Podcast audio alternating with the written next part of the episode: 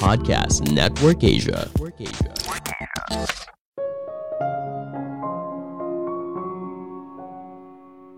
Jangan melihat sebuah hubungan atas dasar untung dan rugi. Cobalah bangun sebuah hubungan atas dasar kejujuran. Halo semuanya, nama saya Michael. Selamat datang di podcast saya, Sikutu Buku. Kali ini saya akan bahas buku The Lost Art of Connecting karya Susan McPherson. Sebelum kita mulai, buat kalian yang mau support podcast ini agar terus berkarya, caranya gampang banget. Kalian cukup klik follow. Dukungan kalian membantu banget supaya kita bisa rutin posting dan bersama-sama belajar di podcast ini. Buku ini membahas cara membangun hubungan profesional. Di dunia kerja pasti tidak asing dengan kata networking. Apa pun posisi kita, pasti ada pemangku kepentingan yang perlu kita bina hubungannya Misalnya, kalau kamu bekerja di bagian sales, tentunya kamu perlu berkenalan dengan klien baru, menjaga hubungan, dan sebagainya. Sayangnya, hubungan yang dibangun sering kali sifatnya transaksional, ada agenda terselubung, dan sebagainya. Ini yang membuat hubungan profesional sering kali terlihat palsu. Oleh karena itu, kita perlu menggunakan perspektif yang lain. Bagaimana bila saat kita membangun sebuah hubungan, kita harus punya mindset kalau kita berhubungan dengan manusia – kita perlu membangun sebuah hubungan atas dasar kepercayaan dan kejujuran. Ingat, setiap orang punya sesuatu yang ingin mereka bagikan, dan setiap orang punya hubungan dengan orang lain. Saya merangkumnya menjadi tiga hal penting dari buku ini. Pertama, memulai lingkaran pertemanan. Kebanyakan orang tentu saja ingin menciptakan sebuah hubungan yang bermakna, mencari teman sejati, dan menikmati hubungan sosial. Namun sayangnya, kita sering kali berbicara dengan seseorang atau menjalin relasi yang transaksional. Di era sekarang, teman itu belum tentu teman beneran, apalagi di media sosial. Orang yang berada dalam lingkaran pertemanan di media sosial belum tentu orang yang benar-benar kita kenal. Sebelum bertemu atau berbicara dengan seseorang, dalam diri kita ibaratnya ada sebuah alat yang menimbang seberapa manfaatnya dia bagi saya – ini yang membuat kita jadi pemilih dan hanya berbicara dengan seseorang yang kita pikir punya manfaat dalam hidup kita. Alhasil, orang baru yang kita temui juga merasakan kalau kita mendekati mereka saat ada butuhnya saja. Untuk keluar dari lingkaran ini, kita harus mengubah fokus ke bagian yang penting dalam sebuah hubungan, yaitu memberi. Ketika kita mencoba untuk menawarkan bantuan, maka mereka akan lebih baik kepada kamu ini langkah pertama untuk menciptakan sebuah hubungan sosial yang lebih baik. Membangun sebuah jaringan pertemanan terlihat seperti sebuah aktivitas yang sulit, sama halnya seperti lari maraton. Namun, tidak harus selalu begitu. Kamu bisa memulainya dengan hal yang sederhana. Misalnya, kamu mengajak dua orang teman kamu untuk ketemuan dan makan bareng. Nah, selanjutnya masing-masing dari kalian mengajak satu orang di ajang pertemuan lain, kalian mengajak satu orang lagi setiap orang. Sekarang totalnya sudah delapan orang. Jika tips ini tidak cocok buat kamu, cobalah cari cara lain. Intinya, kamu tidak perlu sendirian dalam membangun jaringan. Kamu bisa memanfaatkan orang di sekitar untuk membantu kamu.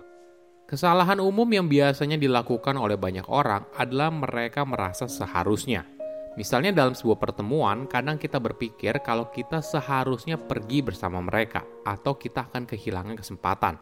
Perasaan ini menciptakan lose-lose situation. Jika kamu tidak pergi, kamu akan merasa cemas dan kesal. Tapi jika kamu pergi dan tidak bertemu orang yang cocok, maka kamu juga merasa kecewa karena ibaratnya membuang-buang waktu.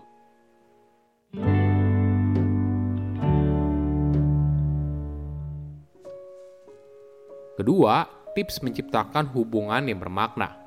Sebuah hubungan selalu dimulai dari setidaknya dua orang yang berhubungan satu sama lain dan menciptakan sebuah ikatan. Nah, untuk memperkuat ikatan ini, maka kamu perlu titik awal. Banyak orang merasa kalau untuk menciptakan jaringan pertemanan, kamu perlu memulainya dari luar. Tapi mereka lupa, setiap orang di lingkaran pertemanan mereka saat ini tentunya punya teman kan?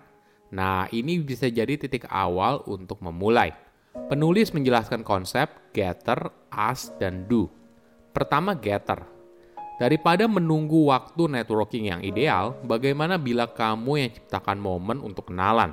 Kamu harus punya mindset, setiap orang yang kamu kenal, tidak peduli pengalaman atau latar belakangnya, bisa membantu kamu dalam satu hal maupun hal lainnya.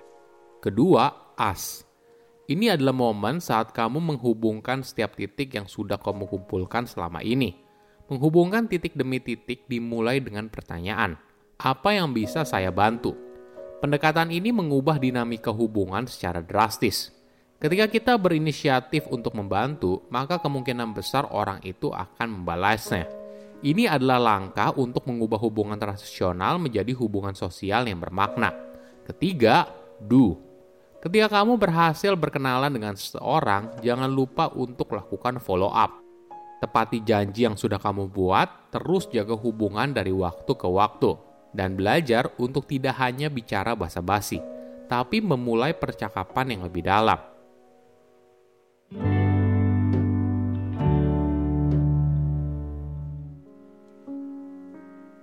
Ketiga, tips meminta yang tepat.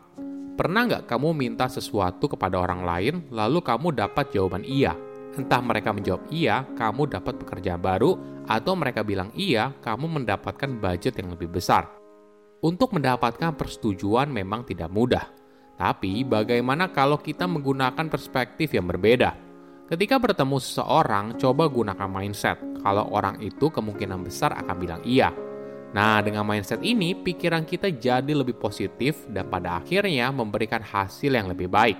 Sebagai contoh, Rone Sabiang adalah pendiri dan CEO dari perusahaan bernama Her Agenda, media digital yang merupakan pemenang dari berbagai penghargaan yang merayakan pencapaian wanita milenial yang sukses.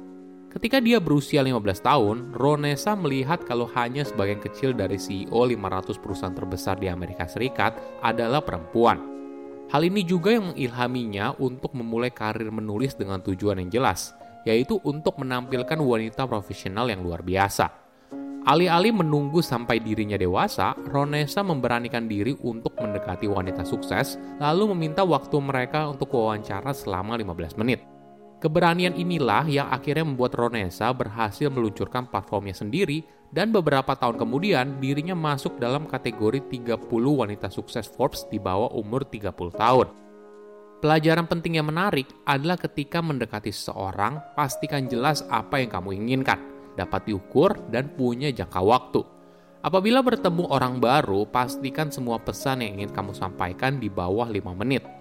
Dengan meminta bantuan atau waktu mereka, maka cara ini akan membuat kamu lebih terhubung dengan orang lain. Oke, apa kesimpulannya? Pertama, tips membangun pertemanan. Membangun sebuah jaringan pertemanan terlihat seperti sebuah aktivitas yang sulit, sama halnya seperti lari maraton.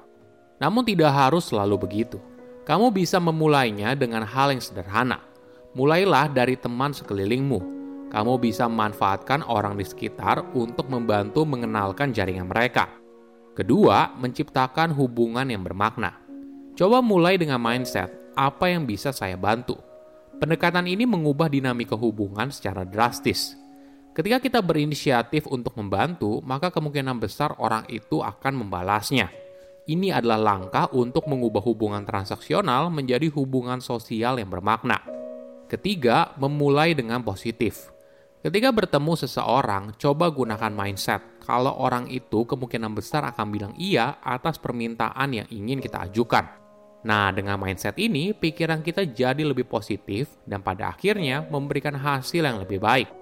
Saya undur diri, jangan lupa follow podcast Sikutu Buku. Bye-bye. Hai semua, Samara di sini. Gimana episode Sikutu Buku yang barusan kamu dengar? Pasti menambah wawasan kamu dong. Setelah ini, kamu juga bisa dengerin podcastku Meditate with Samara. Di sana, aku banyak membahas tentang mindfulness dan juga berbagai konsep pengembangan diri yang menarik serta informatif. Yuk langsung dengerin podcast Meditate with Samara setelah ini. Namaste. Pandangan dan opini yang disampaikan oleh kreator podcast, host, dan tamu tidak mencerminkan kebijakan resmi dan bagian dari podcast Network Asia. Setiap konten yang disampaikan mereka di dalam podcast adalah opini mereka sendiri dan tidak bermaksud untuk merugikan agama, grup etnik, perkumpulan, organisasi, perusahaan, perorangan, atau siapa pun dan apa pun.